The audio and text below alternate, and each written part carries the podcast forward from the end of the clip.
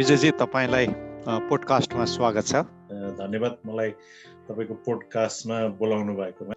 तपाईँलाई स्वागत छ। अहिलेको यो यस्तो महामारीको अवस्थामा पनि हजुरले समय निकालेर साथी सम्बन्ध सम्झी समय दिनुभएकोमा आभार व्यक्त गर्दा विजयजी हजुर त धेरै अगाडिदेखि नै इन्भाइरोमेन्ट सम्बन्धी अगाडि बढिराख्नु भएको छ। यो इन्भाइरोमेन्ट त मोटामोटी मान्छे हामीले जियोग्राफी पढ्दाखेरि तलैदेखि अलिअलि त बुझेरै आएको तर बुझी बुझी पनि पनि कति कुराहरू चाहिँ हामीले बिर्सिसकेको हुन्छौँ। अनि विभिन्न एजमा हामीले फाल हान्दै फाल हान्दै उक्लिँदै उक्लिँदै आउँदाखेरि धेरै कुराहरू बिर्सिँदै पनि जाँदो रहेछौँ कति कुराहरू लिँदै पनि जाने। तर हजुरको यो कसरी चाहिँ इन्भाइरोमेन्टलाई चाहिँ यस्तो गर्नुपर्छ भन्ने चाहिँ कहाँदेखि कसरी यो प्रेरणा एकदमै राम्रो प्रश्न गर्नुभयो तपाईँले। एकदमै अब धेरै साथीहरूले धेरै मिडियाले गर्ने प्रश्न अब हाम्रो मेरो ब्याकग्राउन्ड तपाईँ हामी जस्तै लाउरे भएको हुनाले कहाँबाट विजय हितान चाहिँ अब जियोग्राफी पढ्यो वातावरण पढ्यो भन्ने प्रश्नहरू धेरै आउँछ। म लामो समय अब तपाईँ पनि हङकङमा बिताउनु भएको छ हङकङ बिताउँदाखेरि मेरो उच्च शिक्षा चाहिँ हङकङमा भयो ओपन युनिभर्सिटी त्यति बेला सुरुमा त मैले मेरो डिप्लोमा चाहिँ मेकानिकल इन्जिनियर मैले पढ्दै थिएँ। त्यो बेलामा चाहिँ हङकङमा हङकङको air quality and water quality एकदमै सफर भएको थियो। अब एयर क्वालिटी त एकदमै वर्स छ नि त त्यो तपाईँलाई थाहा छ नि। अनि नोइज पल्युसन छ एयर क्वालिटी एकदमै पोल्युटेड छ अनि त्यो हङकङको त हार्बर के अरे के भन्छ भिक्टोरिया हार्बर कस्तो गनाउँछ नि त बेला बेला।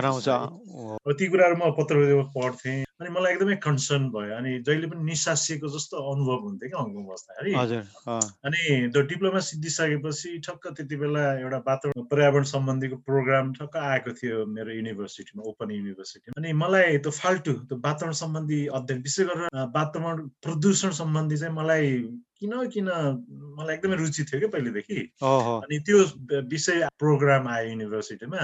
अनि मैले ल म मेरो मास्टर मास्टर होइन ब्याचलर डिग्री चाहिँ म वातावरणमा गर्न चाहन्छु भनेर एउटा के भन्छ रिपोर्ट लेखेर दिइसकेपछि अनि उनीहरूले मलाई गरेको क्या।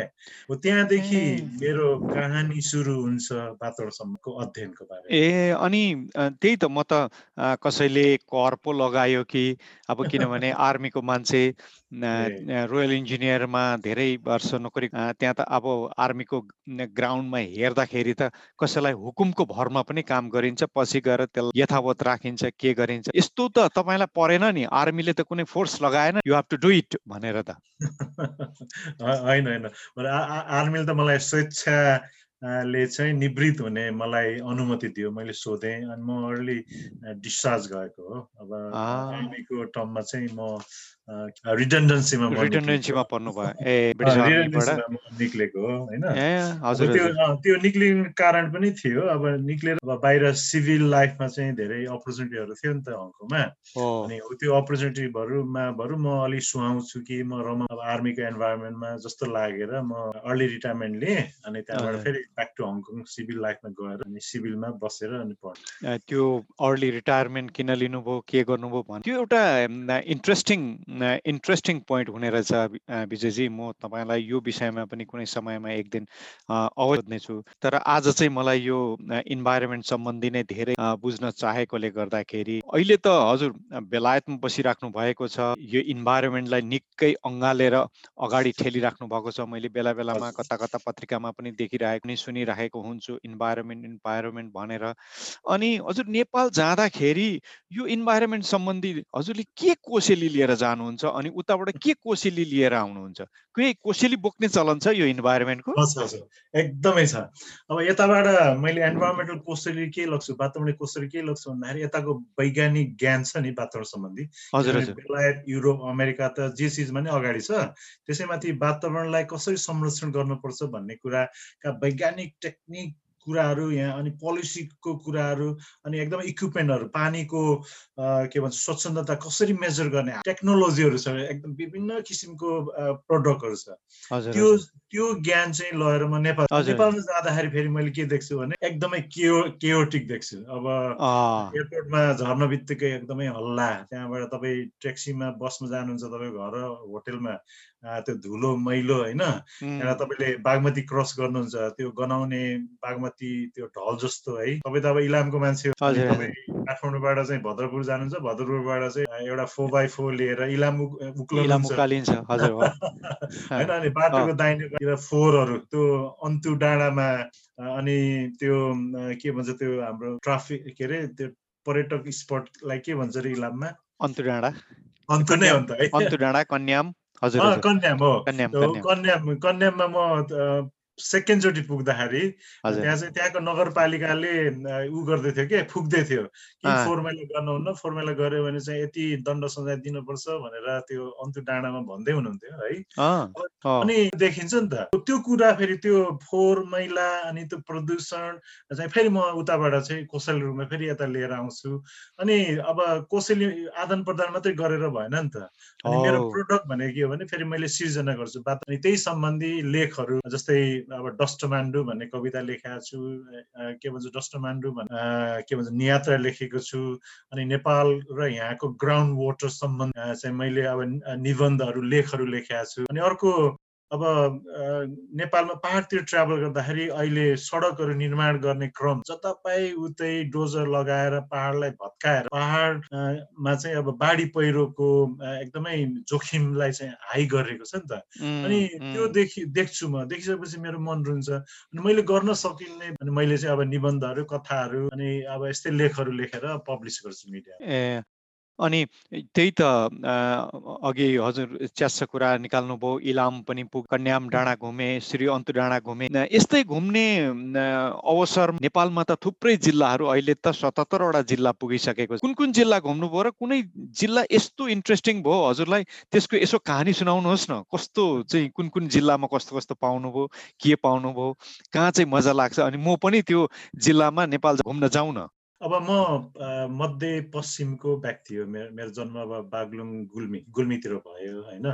तर म अब गोर्खातिर घुमेको छु पोखरा घुमेको छु। अब त्यसपछि त दुई हजार एकहत्तर सालमा यहाँ मैले डायरी पनि हेरेको छु। दुई हजार अब तपाईँ हामी नै सँगै प्लेनमा चढेर काठमाडौँबाट हुँदै इलाम गएको छौँ अनि। त्यो इलामको पूर्वको मेरो भ्रमण चाहिँ त्यो पहिलो होइन? अनि जानुभएको हामी भेट भएर त्यो त्यस म धरान र के भन्छ विराटनगरसम्म त म नाइन्टिन एट्टी सेभेनमा पुगेको छु होइन? लाउरे भएर पहिलो छुट्टी जाँदाखेरि म त्यहाँसम्म गएको। त्योभन्दा अझै पूर्व चाहिँ म गएको थिएन। त्यही दुई हजार एकहत्तर सालको तपाईँ र मेरो सँगै भ्रमण चाहिँ मेरो पहिलो भ्रमण हो। के भन्छ इलाम हुँदै तपाईँको चियाबारी हुँदै अनि दार्जिलिङ निक्लेर अनि फेरि तलबाट चाहिँ म यता फर्केको हो। त्यो भ्रमण चाहिँ अलिकति मेरो विचारमा अलिकति अविस्मरणीय छ। मैले पहिला सुने अब त्यो पूर्वतिर अब विशेष गरेर इलाम पाँचथरतिर चिया अनि त्यसपछि अम्लेसो अदुवा अलैँची। पाँचवटा अ होइन त? हजुर पाँचवटा अ। अँ पाँचवटा त्यो चाहिँ मैले सुनेको होइन लेखेको अब देखेको पढेको। तर त्यो भ्रमणमा दुई हजार एकहत्तर सालको पुस बाह्र गते मैले यहाँ लेखिरहेको छु बाह्र। अँ बाह्र गते तेह्र गते। तेह्र गते। भद्रपुर विमानस्थल भनेर यहाँ लेखेको छु गोपालगिरीसँग आन्तरिक उड्डयन बुद्ध एयरबाट चन्द्रा।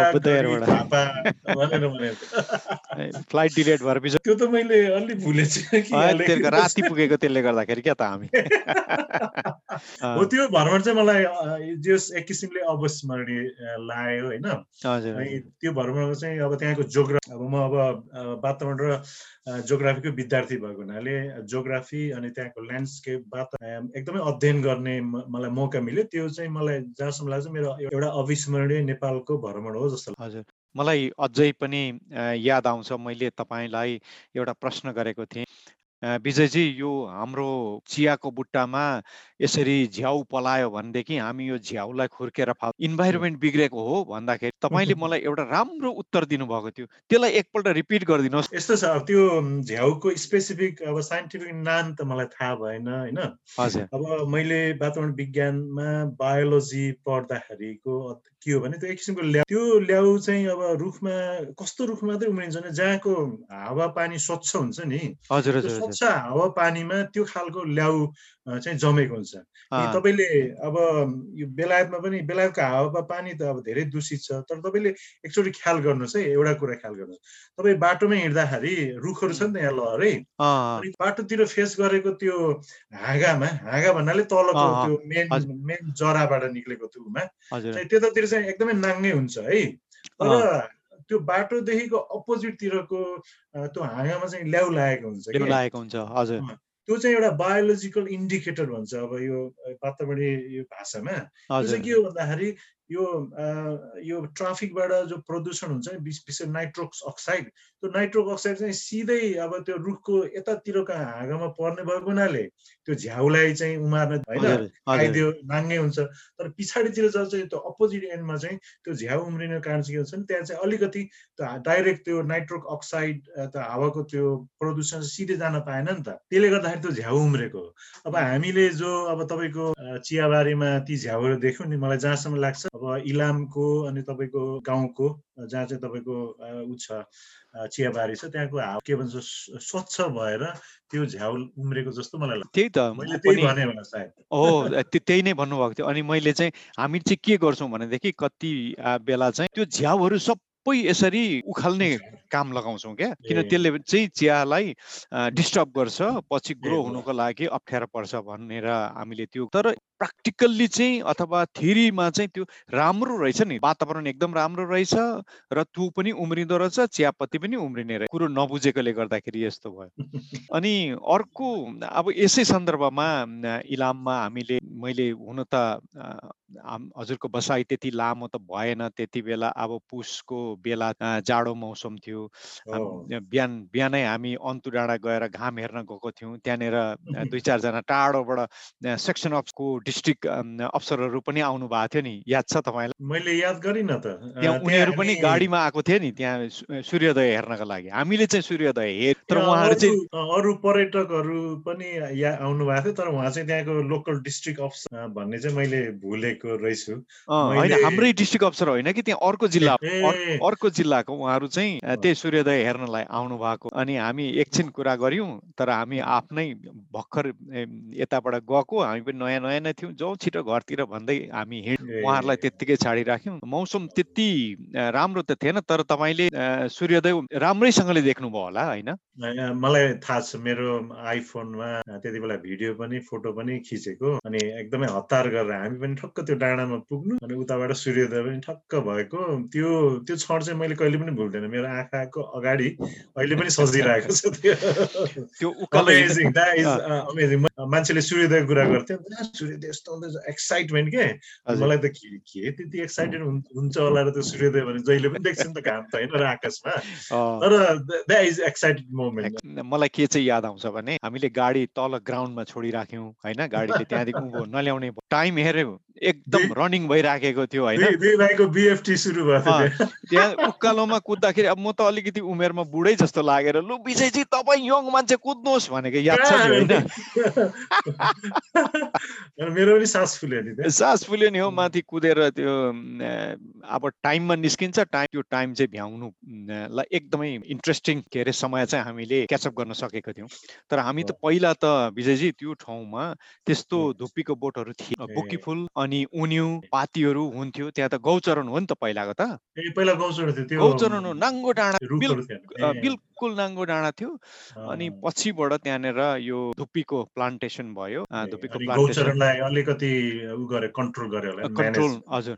किनभने त्यो सरकारी जग्गा भएकोले गर्दाखेरि सबैको आँखा त्यहाँ गयो होइन? अब यसलाई चाहिँ केही न केही राम्रो पनि हुन्छ फाइदा पनि हुन्छ। अनि धुप्पी रोप्यो भनेदेखि धुप्पीले पानी पनि जम्मा गर्छ। अनि तल गाउँको मान्छेलाई पानी खान पाइन्छ भनेर त्यो दृष्टिकोणले त्यहाँनिर धुप्पी रोपेको हो खासमा चाहिँ। अहिले त त्यो धुप्पी पनि ठुलो ठुलो भएको रहेछ होइन?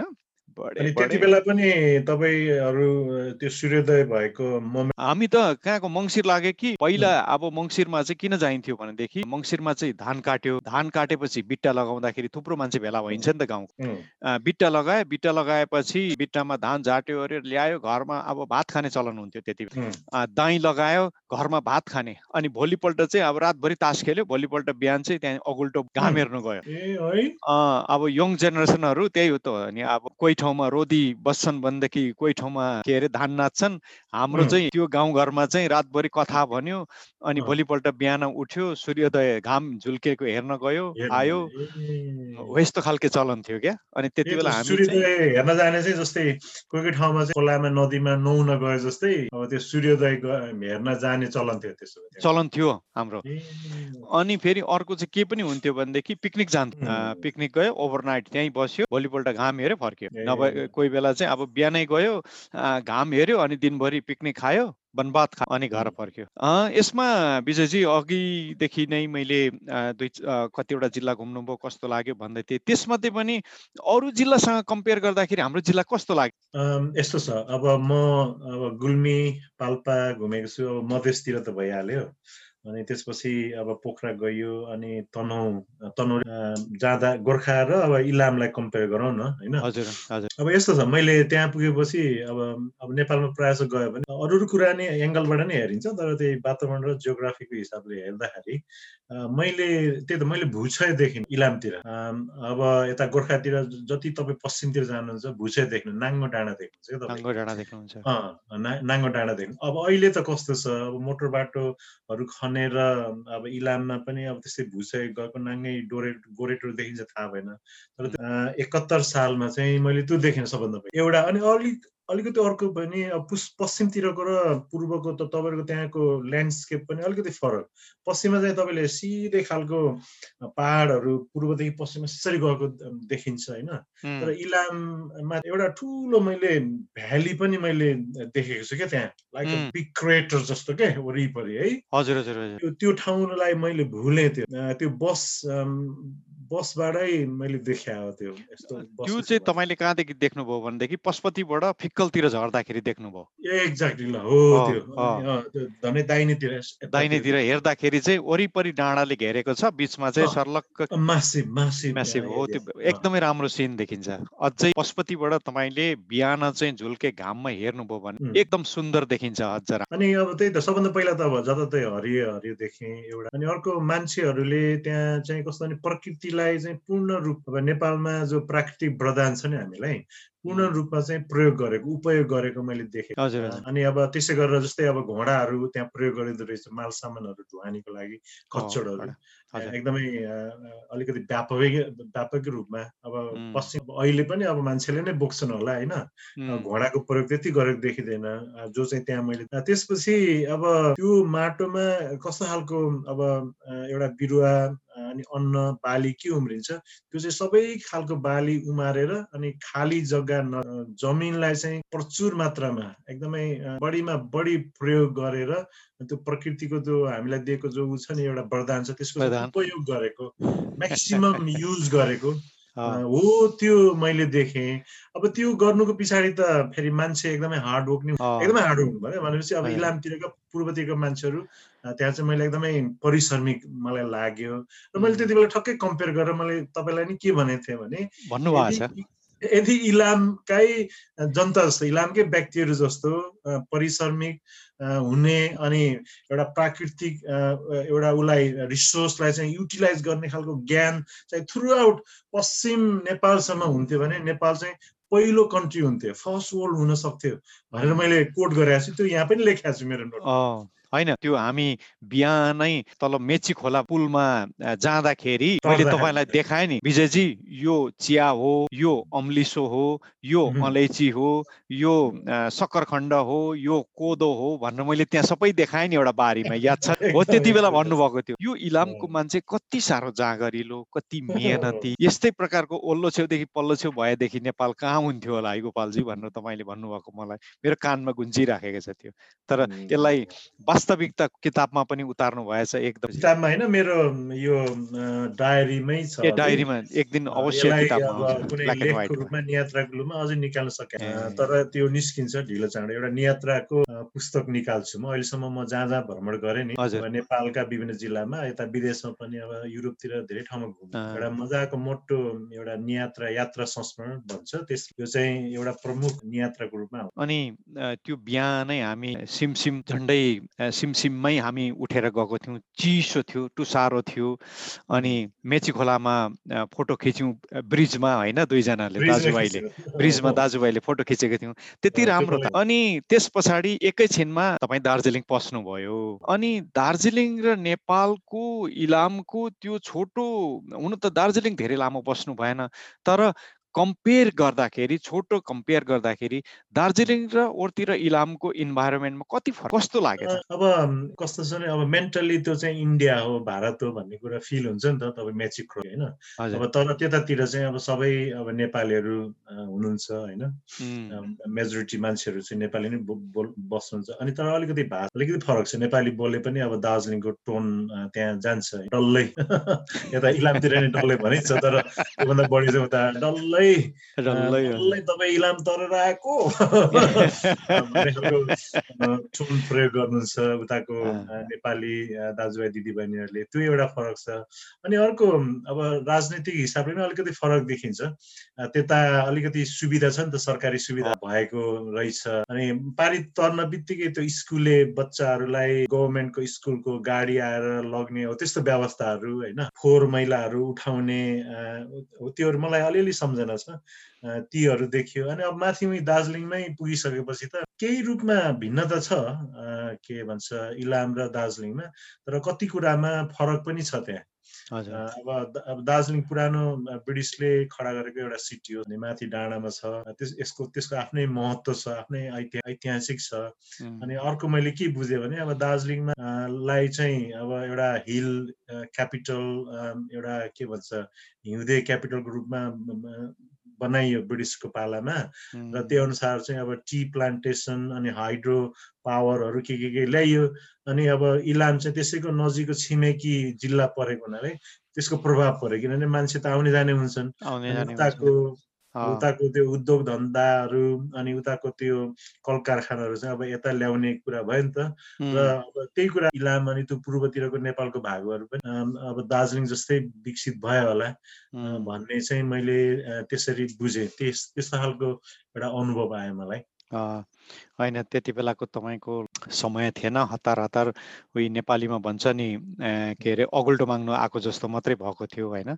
एक एकछिन उज्यालो मागेर गइहाल्ने त्यस्तै भएको थियो। तर ओभरअलमा तपाईँको छोटो दार्जिलिङको छोटोको छोटो समयको यात्रा पनि मिठो भयो भनेर भोलिपल्ट फेरि मैले भेटाएको थिएँ नि तपाईँलाई फिक्कल तपाईँ दार्जिलिङबाट फर्किँदै गरेको यसो हेरेको भिजै त्यहाँ देखेँ फेरि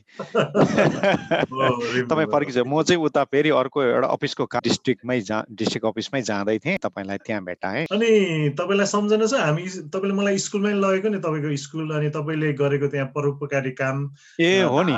इन्स्टल गरिदिनु भएको रहेछ अनि गुरुहरूलाई हामीले भेट्यौँ अनि हेडमास्टरलाई भेट्यौँ। त्यो गोर्खा गोर्खा पिस फाउन्डेसन पानीको धारा पानीको धारा चल्बीहरू टोयलेटहरू त्यो देख्यौँ नि त हामी त्यो हो नि होइन हामीले त्यो म मैले पढेको स्कुल अनि त्यसलाई अहिले हाई स्कुल भएको। त्यसमा सुरुमा चाहिँ इन्टरनेसनल रोटरी क्लब हाइदले पानी ट्याङ्की बनाइदियो। पानी ट्याङ्की बनाएर स्वच्छ पानी नानीहरूलाई पिलाउने बन्दोबस्त गरियो। अनि त्यस पछाडि चाहिँ गोर्खा पिस फाउन्डेसनले कम्प्युटर दिएर नानीहरूले कम्प्युटर सिक्ने मौका पाए। अनि हाइद रोटरी हाइद क्लबले पनि पछिबाट इन्टरनेट फेसिलिटी जोडिदियो। अनि के अरे सोलर पावर लगाइदियो। निकै राम्रो मत पाएको छ त्यो स्कुलले बाहिरको एनजिओबाट। विजयजी एकदम मजा लाग्यो। यस्तै बोल्दै बोल्दै लामो समय बोल्न मनपर्छ। के गर्ने यो कोभिडले गर्दाखेरि हामीलाई साह्रै अप्ठ्यारो अनि त्यो तपाईँले त्यो हाम्रो चियाबारीमा चिया पिएको याद छ नि होइन? कितलीबाट चिया दिएको। त्यो भिडियो त अनि हामीसँग छ नि त अब हामीले फेसबुकमा नि सेयर गऱ्यौँ। चार पाँच वर्षपछि त्यो फेसबुकले सम्झायो अनि त्यसलाई फेरि हामीले सेयर गरेका थियौँ। त्यो मलाई एकदमै भक्कको जस्तो के अरे मेरो नजर मेरो आँखा अगाडि आइरहेछ। मैले त्यहाँ त्यति बेला तपाईँको गोर्खा टीलाई चाहिँ प्रमोट गर्नको लागि पहिला त्योभन्दा अगाडि चाहिँ तपाईँले मलाई स्क्रिप्ट दिनुभयो। अनि त्यो चिया खनाइदिने बहिनीलाई उहाँले त स्क्रिप्ट भन्नु भएन मलाई मात्रै भन्नु अनि तपाईँ त्यो त्यो दिनको डाइरेक्टर हुनुहुन्थ्यो डाइरेक्टर नि? हो।